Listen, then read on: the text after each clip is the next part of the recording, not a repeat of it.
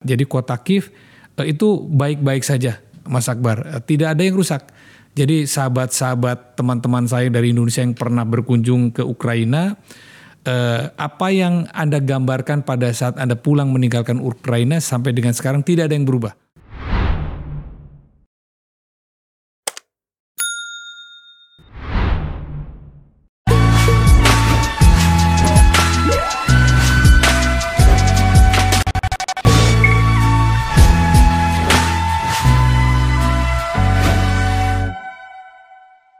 Para pemimpin dunia telah berdatangan ke Bali. Besok, besok dari hari pengambilan gambar di episode kali ini yang sedang Anda saksikan ini uh, akan dibuka sebuah event uh, besar sangat bergengsi bernama G20 yang dihadiri oleh para pemimpin dunia. Seharusnya pemimpin Rusia Vladimir Putin juga datang, tetapi sudah terkonfirmasi seperti yang kita baca di media bahwa Putin selain pemimpin uh, Meksiko dan Lula, pemimpin baru Brasil, confirm tidak datang. Penting untuk saya berikan pembukaan menyangkut soal ini sebab sebenarnya G20 ini kalau mau diakui sebenarnya ini adalah G20 Rusia Ukraina karena semua isunya dihubung-hubungkan dengan itu. Nah untuk itu saya mengundang sahabat lama saya, teman lama saya tandem lama yang pernah menjadi duta besar di Ukraina.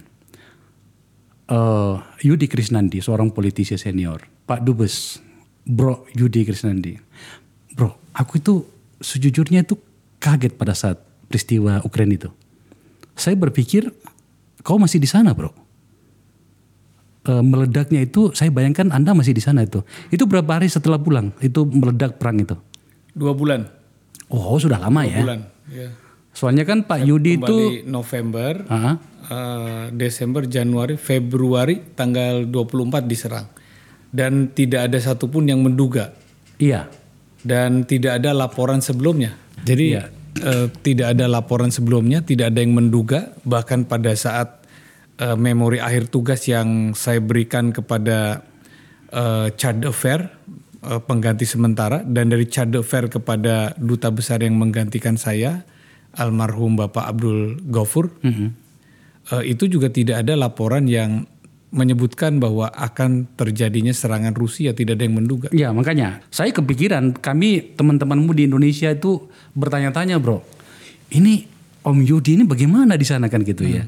Dan tampaknya ke Ukraina itu em, sangat membekas di hatinya Om Yudi ya. Teman-teman para politisi banyak datang ke sana kecuali saya. Mohon Oh, maaf nggak sayang. sempat. Karena, karena sampai Om Yudi ini sahabat saya ini menulis buku khusus tentang itu. Ini bukunya. Eh, Kayaknya ada di Gramedia ya. Ada di Gramedia. Oh ya udah kita beli bukunya. Om Yudi, kita akan berbicara tentang dua hal.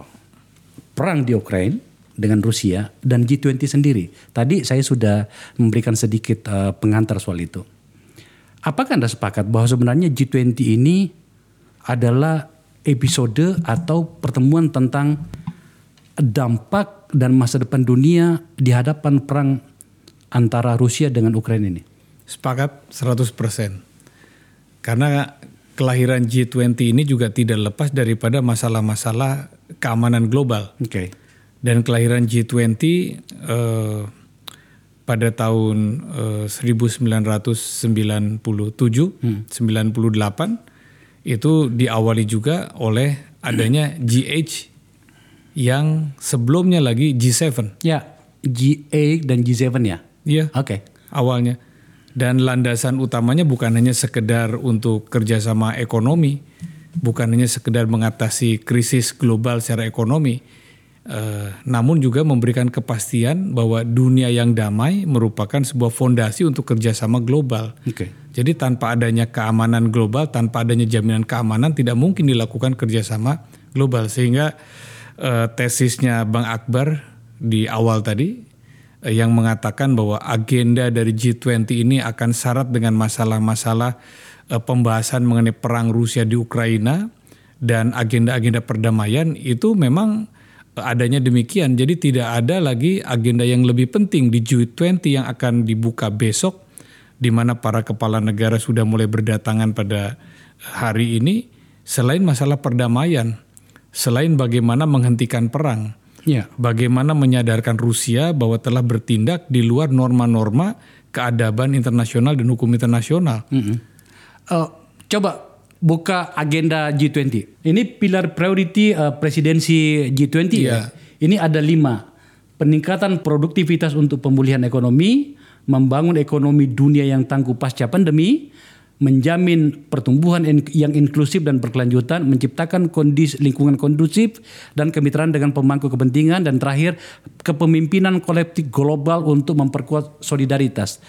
Tampaknya mungkin terlalu ekstrim saya gunakan kata bubar ini. Iya, Bubar agenda-agenda ini. iya. Dan kemudian kita lihat bagaimana kemudian banyak pengamat mengatakan ini seperti makan sayuran tanpa garam, tanpa kehadiran uh, Rusia. Saya juga belum tahu apakah uh, Presiden uh, Zelensky datang sebagai pemimpin uh, negara sebagai undangan ya kehormatan ya. Saya nggak tahu. Nah, Presiden Zelensky menurut konfirmasi dari duta besar Ukraina akan datang secara virtual. Oh akan datang secara Ya, virtual. pada tanggal 15 dan 16 sudah mengagendakan untuk hadir secara virtual Mhm. dengan menu- menggunakan sarana eh, Zoom ya mungkin atau internet. Ya, Eh, sebagai penjelasan tambahan kepada penonton kita di sini, eh, Pak Dubes, ini adalah eh, anggota dari G20, ini, ini mewakili kawasan di dunia gitu ya. Tapi seperti yang kita sampaikan kesepakati tadi bahwa eh, tampaknya agenda G20 ini menjadi menjadi ah, bias tidak nyaman saya menyebutnya. Nah sekarang kita fokus ke situ. So, menurut Anda dengan situasi ini, apa yang paling memungkinkan sayangnya eh, pada saat ditayangkan nantinya ini ini eh, G20 sudah selesai. Tetapi kita mencoba untuk menggambarkan kira-kira sebagai seorang politisi dan seorang mantan dubes. Apa kira-kira yang paling bisa kita lihat bisa dihasilkan dari G20 ini eh, Pak dubes Yang paling mungkin dihasilkan dari G20 ini adalah sebuah eh, komitmen dari negara-negara pemegang ekonomi terbesar dun- di dunia. Ya. 80% PDB dunia ini dikuasai oleh G20 ini. Lalu kemudian populasi penduduk lebih daripada 60%. Oke. Perdagangan dunianya 75%. Jadi ini negara-negara kaya yang menguasai perekonomian dunia. Tentunya tindakan-tindakan dan komitmen-komitmennya bagi dunia itu akan mempengaruhi geopolitik internasional. Dengan demikian, satu kata kunci kesepakatan negara-negara ini menjaga perdamaian dunia dan mengambil langkah-langkah yang konstruktif untuk menghentikan perang itu akan membuka peluang-peluang kerjasama dan masa depan eh, ekonomi global secara lebih prospektif. Jadi memang yang harus dikedepankan oleh eh, G20 ini sekarang eh, menunda dulu eh, keinginan-keinginan yang lebih besar untuk agenda-agenda yang lima tadi dibacakan oleh Mas Akbar tadi. Selesaikan dulu ini masalah perang Rusia di Ukraina. Itu dia, itu yang saya bayangkan uh, Pak Dubes. So uh, dengan melihat uh, penyikapan terkini, penyikapan paling paling terkini para negara-negara yang tampaknya punya kepentingan atau barangkali bahkan telah berada dalam latar belakang atau di belakang dari uh, perang ini, uh, saya kok menjadi tidak terlalu yakin bahwa itu bisa disepakati, setidaknya menjadi sebuah komunike dari G20 itu. Eh, saya berpandangan bahwa kesepakatan ini akan terjadi. Jadi dengan eh, ketidakhadiran Rusia, eh, Brazil dan Meksiko itu bukan berarti komunike bersama eh, tidak menghasilkan sebuah komitmen bagi G20. Karena sebenarnya tanpa kehadiran Rusia itu tidak terlalu berpengaruh besar terhadap keputusan-keputusan yang akan diambil. Walaupun bisa saja Rusia tidak mengikuti keputusan tersebut. Tetapi jangan salah, komunike bersama yang akan menjadi komitmen daripada G20 ini merupakan sebuah komitmen untuk kerjasama internasional. Jadi ada atau tanpa Rusia ini akan tetap berjalan. Sehingga adalah sesuatu yang akan merugikan Rusia sendiri apabila tidak ikut bersama-sama dengan G20. Eh, i- Oke, ya setuju pada bagian itu. Tetapi kan realitasnya hari ini bahwa uh, sikap Rusia sebagai agresor, saya lebih nyaman menggunakan kata agresor uh, terhadap Ukraina itu tidak pernah melemah bahkan hingga memasuki pada bulan ke-9 dari uh, serangan kepada uh, Ukraina itu. Di sisi yang lain, negara-negara terutama negara superpower uh, even itu Amerika, Inggris, paling paling modern mungkin Jerman ya.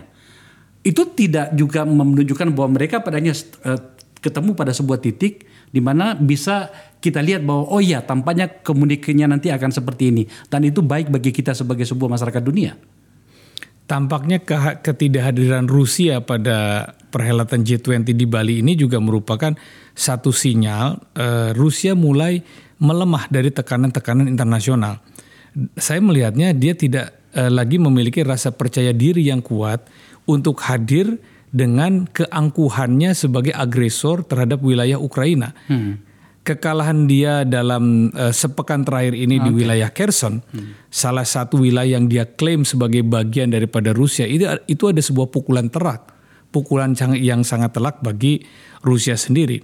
Uh, lalu kemudian pernyataan IMF yang yang mengatakan bahwa eh, tahun depan terjadi pelambatan yang cukup signifikan pada tingkat pertumbuhan Rusia yang akan mencapai minus 2,3 persen.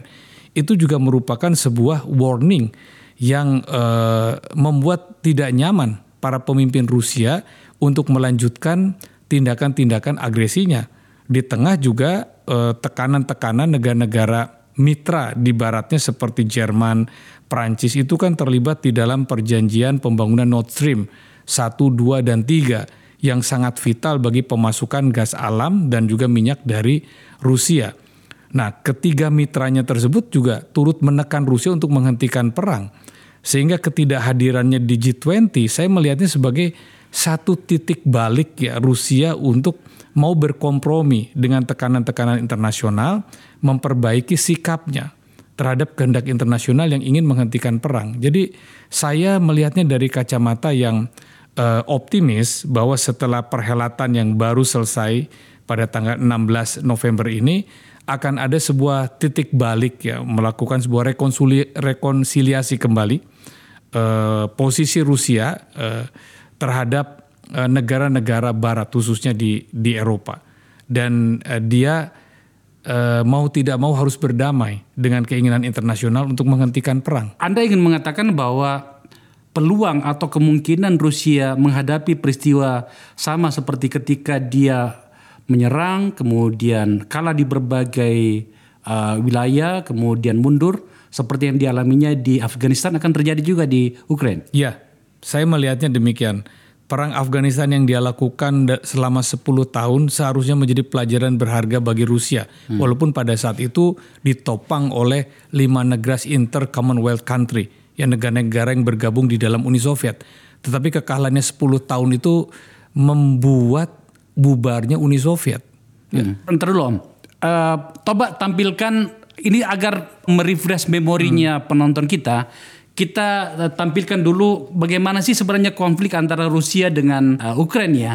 Uh, tidak apa-apa kita mengulang sebentar. Ukraina itu merdeka dari Uni Soviet itu tahun 91 kemudian terjadi perdebatan dan pertarungan politik antara kubunya Yushchenko yang pro demokrasi dengan kubu Yanukovych pro Rusia, maka kemudian soal Crimea juga menjadi uh, faktor lain dan langsung saja pada tanggal eh, pada tanggal 21 Februari tahun 2022 Rusia mengakui kemerdekaan Luhan dan Donetsk eh, apa sama dengan provinsi barangkali di Ukraina itu wilayah timur Ukraina. wilayah timur ya ada perbatasan dengan Rusia dan pada esok harinya Putin mengirim pasukan dua hari kemudian invasi dilakukan. Sekedar untuk merefresh seperti yang saya katakan tadi. Apakah hanya karena faktor Ukraina ingin bergabung pada Uni Eropa dan NATO yang membuat Rusia jadi marah? Om Yudi. Itu alasan uh, formalnya saja, tetapi sebetulnya perilaku Rusia kepada Ukraina ini sudah berlangsung berabad-abad. Jadi perlawanan Ukraina kepada Rusia untuk tidak dikooptasi dan tidak dijajah itu sudah dimulai dari mulai uh, dinasti sebelum Romanov. Jauh ke belakang sejarahnya di abad ke-9 Ukraina itu sudah memberontak dengan pendudukan kota Kiev, pemindahan Novgorod ke kota Kiev sudah memberontak Di abad ke-11 di era uh, Ratu Olga juga dia sudah memberontak. Lalu di awal revolusi Bolshevik 1917 Ukraina adalah negara pertama yang menyatakan merdeka dari kekaisaran Imperium Rusia pada tahun 1918 ya dengan presiden pertamanya Mikhailo uh, Khrushchevsky. Lalu kemudian pada masa-masa selanjutnya termasuk juga saat Uni Soviet bubar 26 eh, Desember 1990 Ukraina sudah mengumumkan kemerdekaannya mendahului malah 1 Desember. Hanya pada saat itu Boris Yeltsin mengajak Ukraina dan Belarus untuk menandatangani fakta pembubarannya bersama-sama hmm. pada 26 Desember 90. Sehingga pada tahun 91 Ukraina baru menyatakan kemerdekaannya pada tanggal 24 Agustus. Jadi keinginan untuk lepas dari rezim Rusia itu sudah uh, sangat lama karena uh, Rusia selalu menganggap Ukraina Ukraina ini bagian dari wilayahnya, bagian dari kebudayaan. Kalau itu sih kan tidak bisa kita abaikan. Iya. Sejarah kan mengatakan iya. begitu. Bahkan catatan kami di sini Ukraina itu merdeka dari uh, Uni Soviet itu 91. Kenapa kemudian Rusia masih juga beranggapan bahwa itu wilayah kami padahal sudah merdeka? Satu hal, oke. Okay. Hmm. Kemudian yang kedua soal menjadi anggota Uni Eropa itu tadi. Hmm. Oke. Okay. Yang ketiga soal bagaimana sendiri uh, politik di Ukraina itu tidak pernah stabil gitu ya, terutama pada pertarungan dua nama yang kita sebutkan tadi, hmm. uh, Yushchenko dengan Yanukovych. Saya bawa dalam konteks kita, Pak Dubes, karena sejujurnya isu ini, peristiwa ini, pada saat baru saja aneksasi ter terjadi di sana itu ramai sekali kita di sini hmm. dan melahirkan banyak pengamat-pengamat. Lucu loh di Indonesia ini. Hmm. Ada banyak pencinta Rusia. Oke? Okay? Ada banyak pencinta Rusia dan dengan berbagai alasan. Pada beberapa bagian yang tidak terlalu banyak itu menyatakan apa pun namanya ini pelanggaran internasional, pelanggaran hak asasi dan seterusnya dan seterusnya. Pak Dubes, jelaskan dalam konteks kita. Seharusnya kita memahami ini seperti apa agar kemudian kita belajar oh bahaya loh. Kita juga bisa dineksasi iya. oleh negara lain. Begitu pendekatan yang kami bangun iya. di sini. Uh, pertama ya, kenapa Rusia itu ingin sekali menguasai Ukraina. Pertama, dia melihat dari sejarah mereka yang menganggap Ukraina ini bagian dari mereka. Ukraina ini negara yang sangat indah, alamnya uh, indah sekali, makmur ya, subur ya. ya, luar biasa menyesal Terus, datang uh, sumber daya manusianya juga hebat-hebat. Jadi Rusia selalu menganggap Ukraina ini bagian dari mereka. Sementara Ukraina menganggap Rusia ini penjajah okay. bagi dirinya. Nah, Yanukovych ada presiden Ukraina yang merupakan bisa dikatakan adalah uh, karib ideologisnya dari Vladimir Vladimirovich Putin ya yang dia memang kecenderungannya ingin bergabung dengan interstate Commonwealth country, negara-negara ex uh, Uni Soviet yang akan membentuk Eurasian Economic Community pada saat itu yang dipimpin oleh Rusia. Sementara sebagian besar rakyat Ukraina sendiri uh, yang difasilitasi oleh parlemen yang melakukan referendum hasilnya lebih dari 70% di tahun 2013 Menolak. bergabung dengan Eropa, masyarakat oh, okay. Uni Eropa. Okay. Nah, Yanukovych membatalkan itu, terjadilah yang disebut dengan revolusi Medan. Artinya ini sorry, saya salah sedikit. Artinya ini bukan semata keinginan elitnya ya. Iya. Ini keinginan apa? Rakyat, referendum ya? Rakyat keinginan referendum yang hasilnya diumumkan, diketahui bersama, lalu dibatalkan sepihak oleh Yanukovych yang mengakibatkan dia sendiri terguling peristiwa revolusi Medan. Pada saat dia terguling, dia diselamatkan oleh Vladimir Putin, diselamatkan okay. di Moskow sampai sekarang. Pada saat terjadi kekosongan kekuasaan di Ukraina di awal tahun 2014, maka eh, atas nama jajak pendapat di bawah tekanan militer di Crimea, Rusia masuk ke wilayah Ukraina dan mengambil alih Crimea tanpa peperangan. Crimea itu siapa? Tolong dijelaskan dulu Om Mir. Crimea ini salah satu provinsi dia di wilayah selatan Laut Hitam Ukraina yang berbatasan dengan Rusia. Ya di sana eh, ada kepulauan tapi dihubungkan eh, melalui jalan darat ada jembatan di kota Kherson ya ada eh, apa penghubungnya di sana dan bersebelahan dengan wilayah eh, eh, Rusia lalu dia kooptasi penduduk mayoritasnya di sana berasal dari Rusia yang selama berabad-abad selalu beralih-alih antara kekuasaan Eropa, kekuasaan Imperium Rusia dan Ottoman. Dan terakhir pada saat eh, eh, Ukraina memerdekakan diri dari Uni Soviet bersama negara-negara lainnya, Crimea ini menjadi bagian dari wilayah Ukraina. Tetapi 2014 dengan tergulingnya Yanukovych, maka secara sepihak Rusia mengambil alih semenanjung Crimea. Crimea ya. Nah, lalu ditutup perbatasannya jadilah wilayah mereka. Tetapi Ukraina tidak pernah berperang untuk merebut itu. Karena pada saat itu terjadi konsolidasi kekuasaan yang demokratis.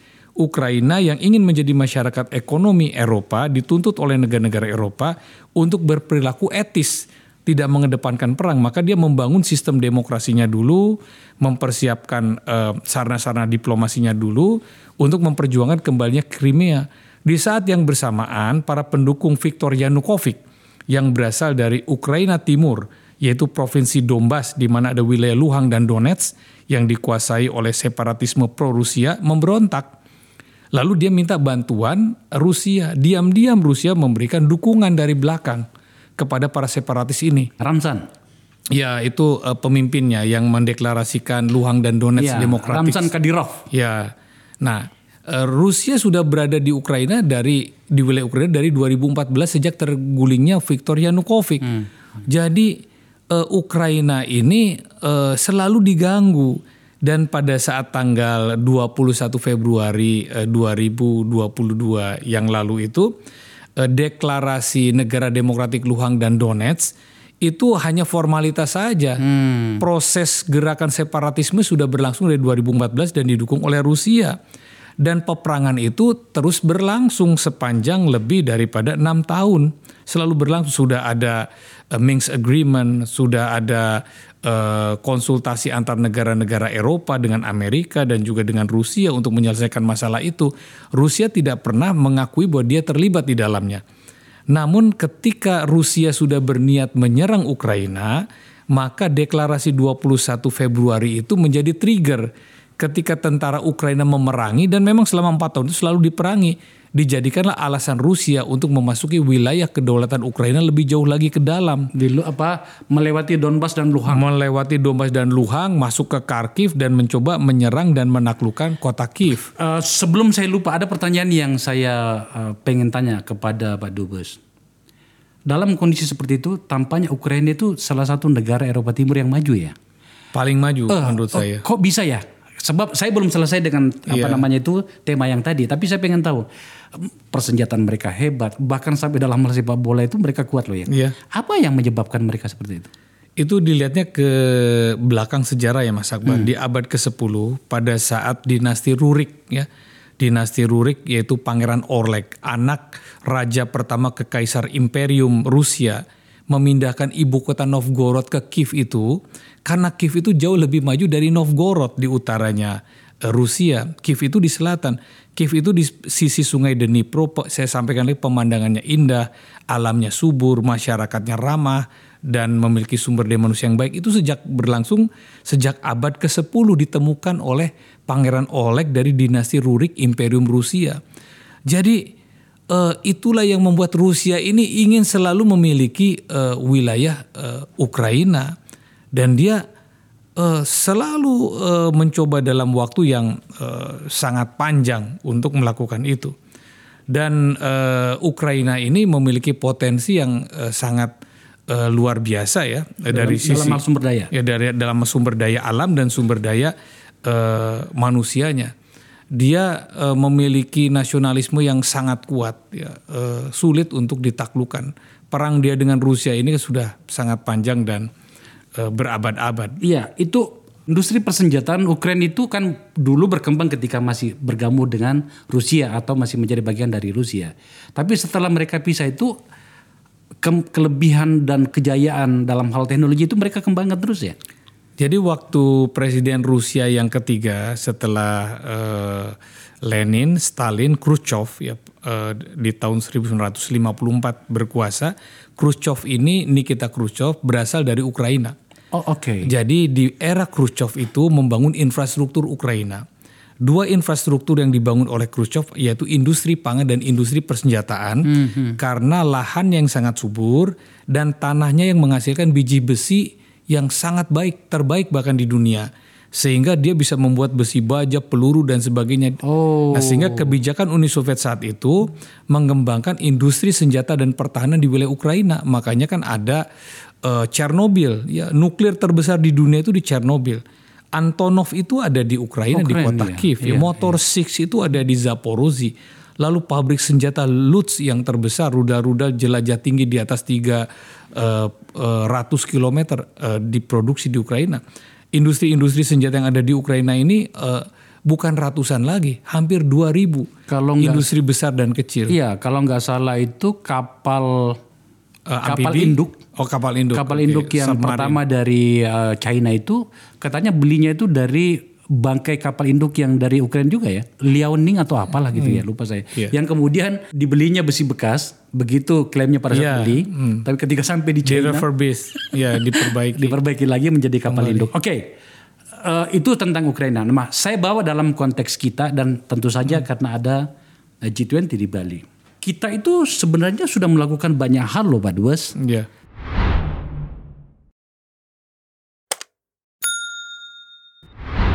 Presiden bahkan datang dengan penuh keberanian menemui dua pemimpin Ukraina di uh, Kiev pada Naik saat kereta itu. api lewat Naik darat 18 jam dari Warsawa bukan Betul itu. sesuatu yang mudah. Luar, luar- luar biasa itu dan menemui Presiden uh, Zelensky. uh, uh, Putin ya. Dan Putin.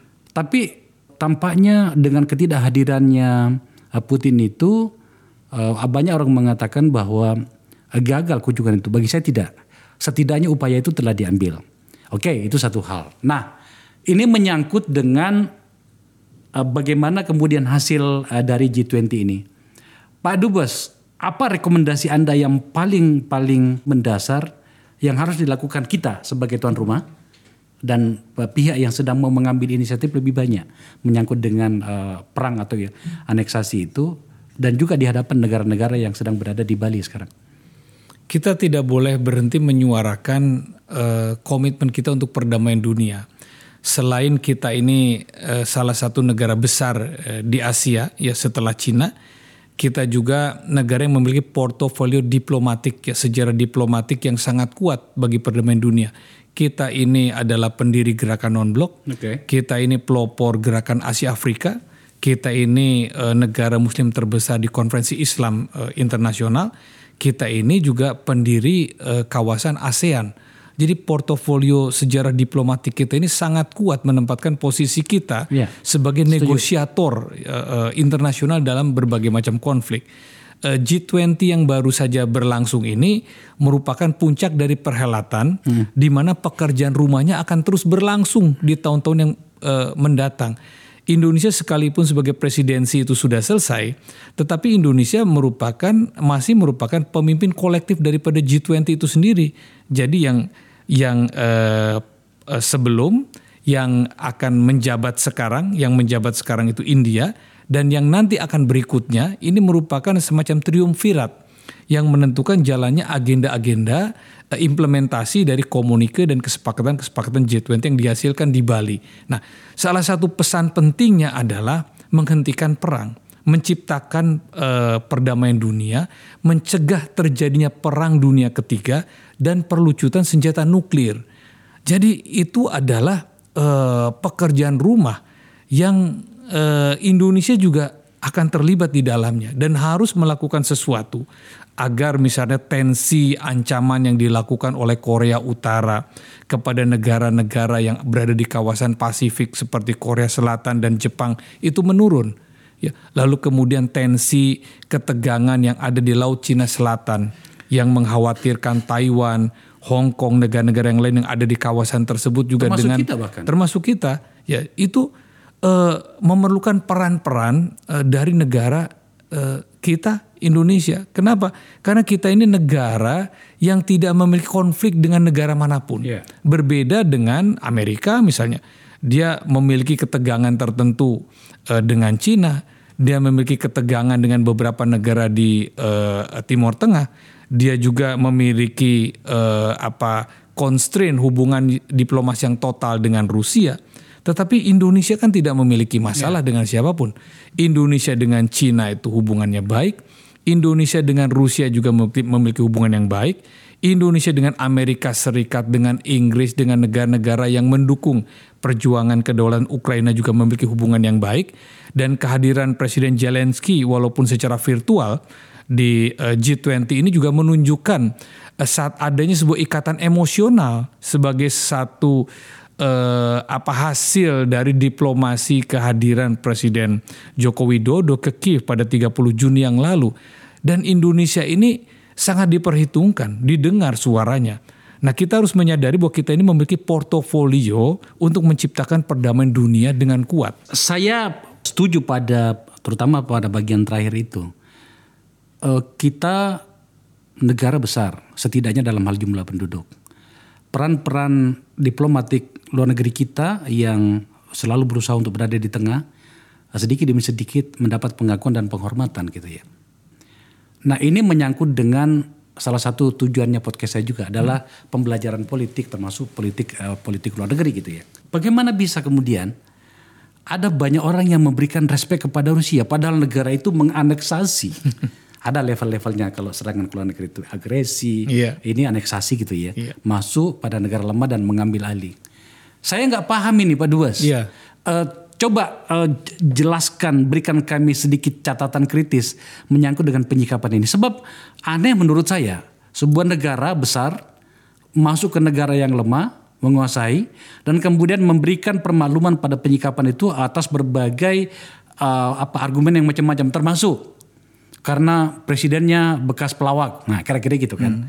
Coba kita lihat pada picture besarnya, Pak Dubes. Coba dijelaskan. Kita kita, kita melihat dari uh, sentimen uh, publik dengan sikap pemerintah. Ya. Okay. Sikap pemerintah kita sangat firm bahwa kita menolak setiap bentuk agresi, yeah. setiap bentuk uh, pengingkaran pada hukum-hukum internasional dan uh, invasi uh, terhadap kedaulatan negara lain. Okay. Dan yang dilakukan oleh Rusia dilihat dari berbagai ketentuan hukum internasional, ya, dilihat dari nilai-nilai kemanusiaan dan etis itu tidak dibenarkan. Setuju. Terlebih lagi Rusia ini juga anggota PBB, pemegang salah satu hak veto di Dewan Keamanan PBB. Dia paham betul harusnya mukadimah undang uh, mukadimah uh, deklarasi PBB yang alinea keempat tentang non uh, invasi yang non agresi, yang penyelesaian segala bentuk pertikaian bukan dengan perang tapi dengan damai. Jadi tidak ada satu uh, retorika apa pun yang membenarkan tindakan Rusia. Nah, Indonesia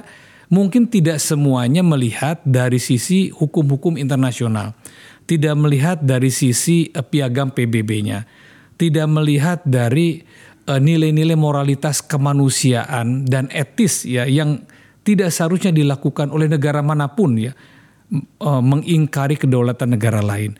Namun kita juga perlu menyadari ada hal-hal yang sifatnya uh, historik dan emosional. Hmm. Ya, secara historik ya uh, Rusia ini identik dengan Uni Soviet yang sudah kita kenal dari era Bung Karno yang memberikan bantuan kapal selam kilo pertama kepada Indonesia, yang memberikan dukungan terhadap operasi Dwi Kora dan sebagainya dan juga masyarakat Indonesia di era Bung Karno di awal tahun 50-an mengirimkan ribuan anak-anak muda pada saat itu untuk bersekolah di ya. Uni Soviet di Rusia khususnya di Moskow. Hmm.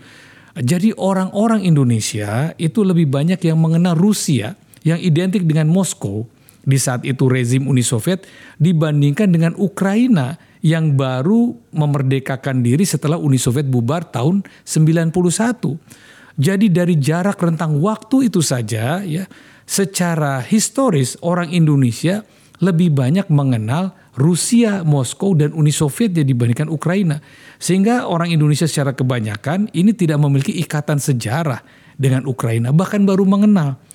Lalu dilihat daripada komunitas dan entitas masyarakat Indonesia yang berada di Moskow, di wilayah Rusia, itu jauh lebih banyak dibandingkan yang berada di Ukraina yang tinggal di Moskow atau wilayah Rusia itu jumlahnya ribuan bahkan puluhan ribu ya lebih dari 20 ribu apa hingga 50 ribu orang tetapi yang tinggal di Ukraina itu tidak lebih dari 100 orang hmm. jadi pada saat mereka merepresentasikan pandangan-pandangannya menyampaikan situasi yang apa adanya itu akan kalah dengan ikatan-ikatan emosional dan ikatan-ikatan pengenalan historis seperti itu. Ya, ya, ya.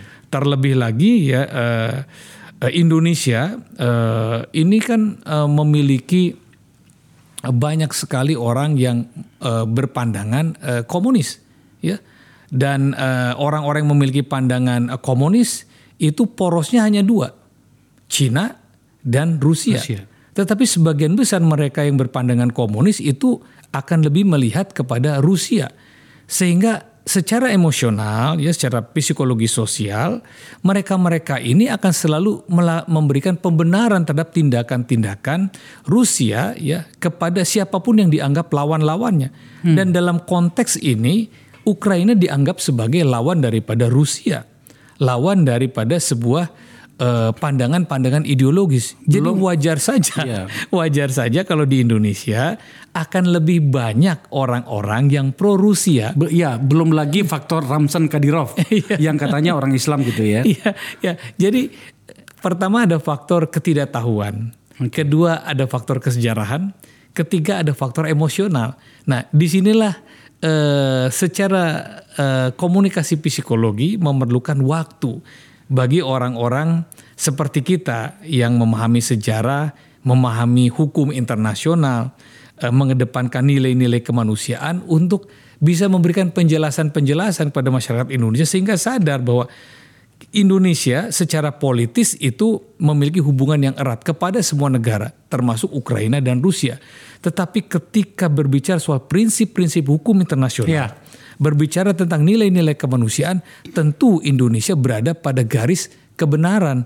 Dan kebetulan pada saat ini tindakan-tindakan yang dilakukan Rusia atas Ukraina adalah sesuatu yang keliru. Itu dia. Uh, kenapa sampai saya tertarik lagi mengangkat ini, uh, Om Yudi, karena ini sudah masuk pada bulan ke-9 bahkan mendekati bulan ke-10. Uh, tentu saja yang namanya perang itu hanya ada dua.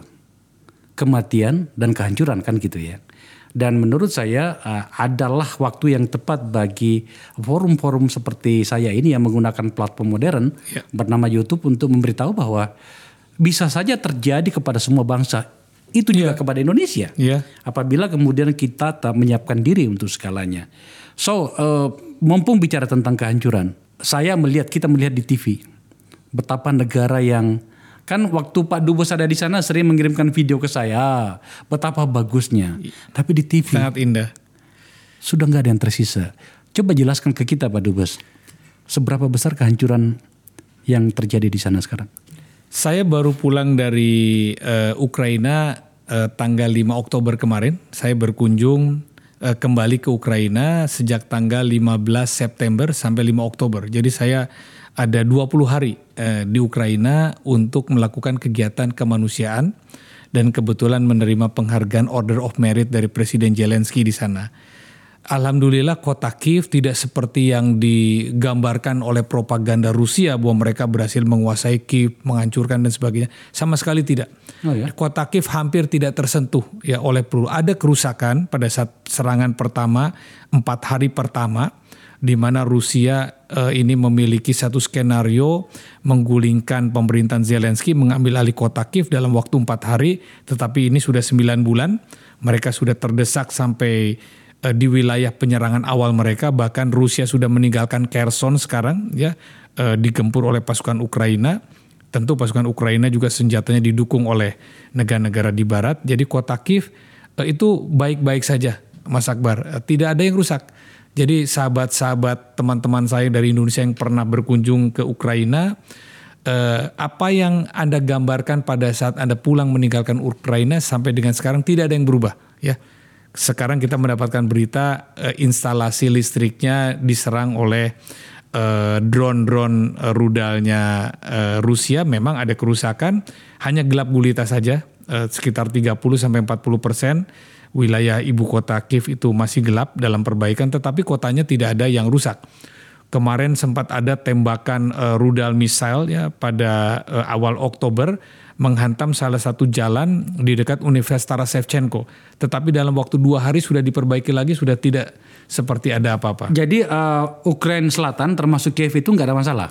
Ukraina uh, hampir seluruh wilayah ibu kota dan sekitarnya tidak ada kerusakan yang berarti. Kerusakan itu ada di kota-kota di mana penyerangan datang. dari arah Belarus dari arah utara dia masuk kota Chernihiv menuju ke Kiev. Ketika pasukan Rusia dipukul mundur, kota-kota yang ditinggalkan oleh Rusia itu dirusak seperti Chernihiv dirusak, ada kerusakan sampai mereka mundur kembali ke perbatasan Belarus. Mereka masuk lagi dari wilayah timur, masuk dari Luhang Donetsk menuju Kharkiv. Kharkiv itu bisa dikatakan 50% kotanya hancur rusak dibombardir pada saat mereka akan meninggalkan dan beberapa kota lain. Lalu kemudian juga ada Bucha yang sangat terkenal, kota Irpin yang ditemukan adanya pembantaian lebih dari 250 warga sipil oleh pasukan Rusia yang meninggalkan kota itu ketika mereka dipukul mundur oleh Ukraina. Itu juga terjadi kerusakan di kotanya, tetapi ya kira-kira 10-15 persen di pusat kotanya. Jadi yang betul-betul rusak itu di wilayah-wilayah pertempuran di wilayah timur ya seperti Luhang, Donetsk yang tadinya hanya pertempuran antara tentara Ukraina dengan separatis yang sangat terbatas dan itu juga ada ceasefire-nya, ini menjadi medan pertempuran total. Jadi Luhang Donetsk di wilayah timur itu bisa dikatakan hancur. Kenapa ah, ini logika anu ya, ya yang tidak datang ke sana dan hanya membaca. Kenapa Kiev masih aman-aman saja? Tidakkah persenjataan Rusia bisa menjangkau lebih jauh bahkan dari Kiev? Nah, ini juga yang perlu uh, dicerahkan ya kepada para pengamat uh, militer, kepada para pengamat politik dan uh, pengamat pengamat lain tentang perang Rusia di Ukraina ini kalau dilihat dari military balance ya, uh, military power fire, ada satu institusi yang melihat kekuatan-kekuatan tentara di dunia ya.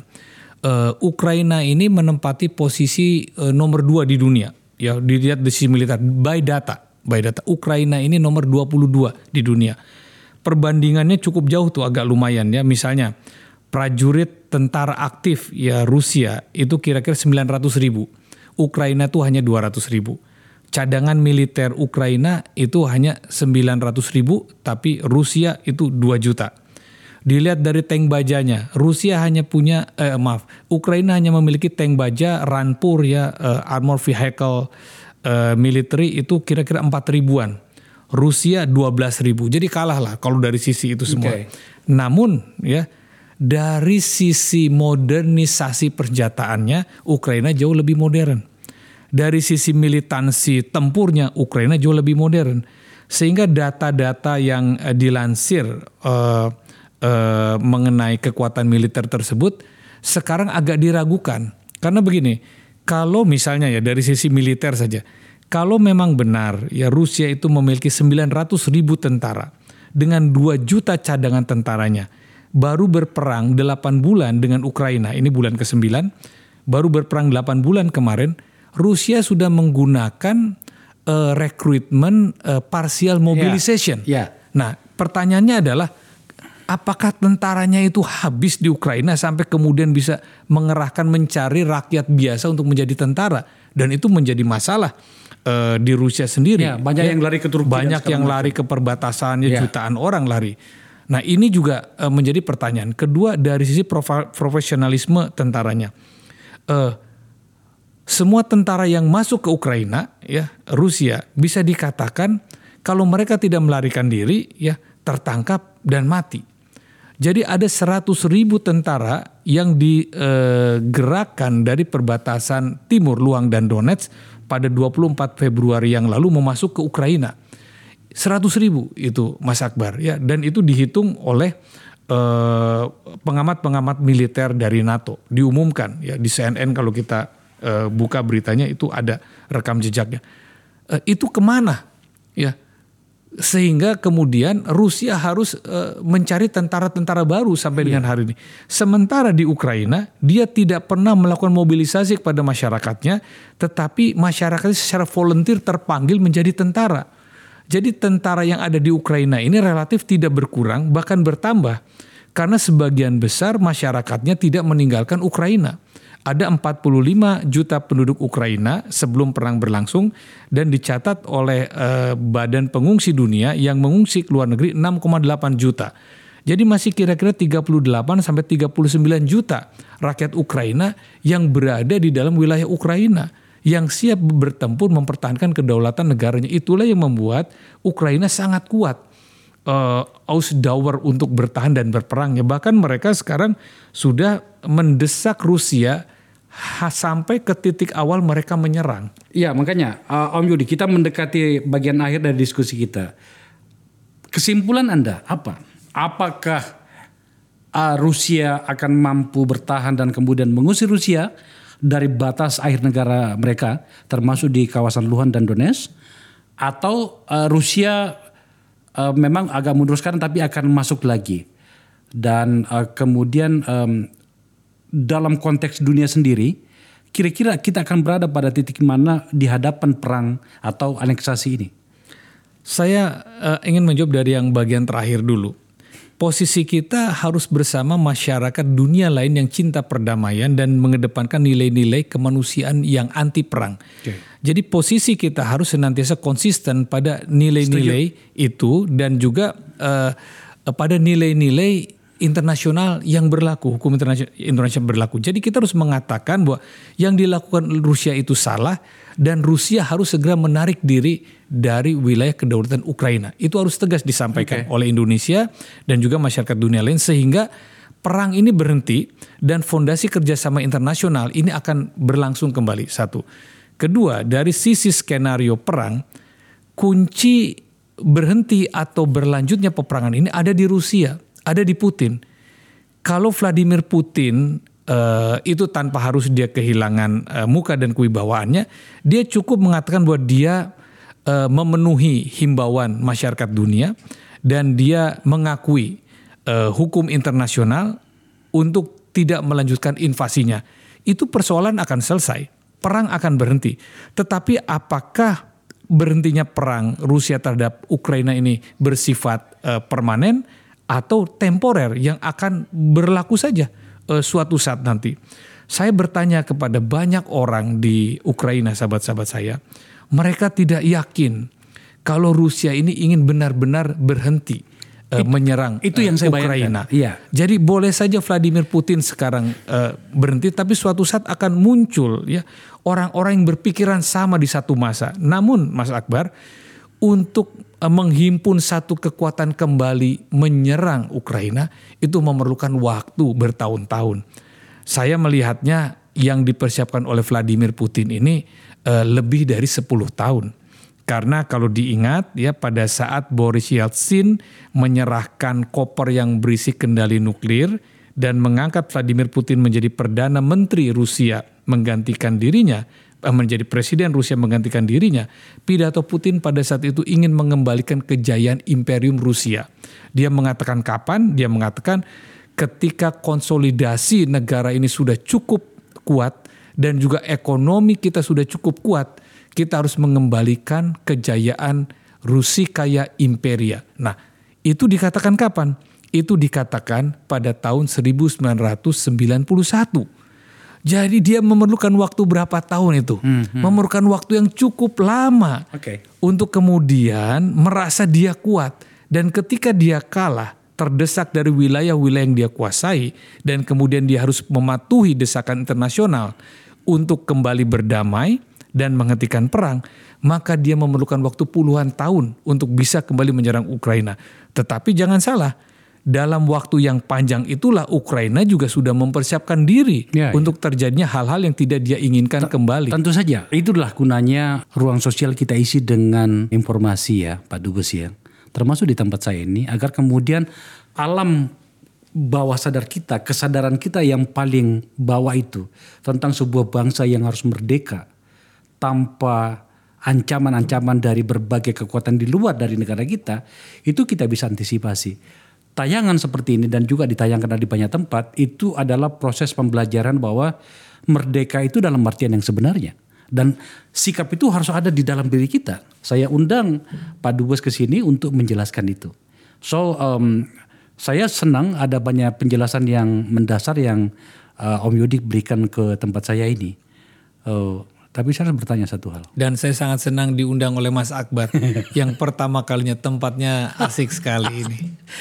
Saya harus bertanya juga nih. Kembali ke dunia politik lagi. Ya sebagai politisi kita semua kan memiliki genetik ya yang eh, memanggil kita setiap lima tahunan. Enggak apa-apa Om. Sahabat saya ini saya declare di sini akan kembali ke parlemen dari dapil Cirebon. Dapil Cirebon. Beliau orang sana. Beliau akan kembali ke mencoba untuk ke parlemen dan satu dari sedikit politisi yang saya pahami karena saya sudah mengenalnya lama itu punya komitmen pada seluruh agenda-agenda yang bernama kerakyatan itu. Bro Yudi, terima kasih ya. Makasih Mas Akbar dan tim yang sudah mengundang. Kita akan berbicara Bukan lagi. nanti. saya memberi pencerahan loh, saya diberikan pencerahan oleh Mas Akbar. Eh, saya akan undang lagi nantinya karena di tempat saya ini eh, kami membuat program namanya eh, Parlemen 2024. Eh, sudah ada satu dua orang politisi yang saya anggap layak untuk duduk di sana. Sebab hari ini dan begitulah sejarah parlemen kita banyak orang yang tidak layak duduk di sana. Om Yudi sahabat saya adalah orang yang saya kenal eh, pernah kami sama-sama dulu di Hanura dan sekarang eh, Kembali lagi ke Golkar. Mas Yudi kembali lagi ke rumah lamanya di Golkar. Tapi lagi-lagi em, Mas Yudi selamat kembali ke tanah air, selamat em, mengisi kembali ruang-ruang sosial kita, ruang-ruang politik kita dengan narasi Anda yang eh, mantap dan tajam. Maju terus untuk podcastnya Akbar Faisal. Top. Terima kasih Eh, pemirsa itu diskusi saya dengan apa sahabat eh, saya Pak eh, sudah profesor ya, Alhamdulillah. Profesor Yudi Krisnandi. Ah, itu luar biasa dan eh, kita akan bertemu lagi pada episode-episode yang lain. Dime que así.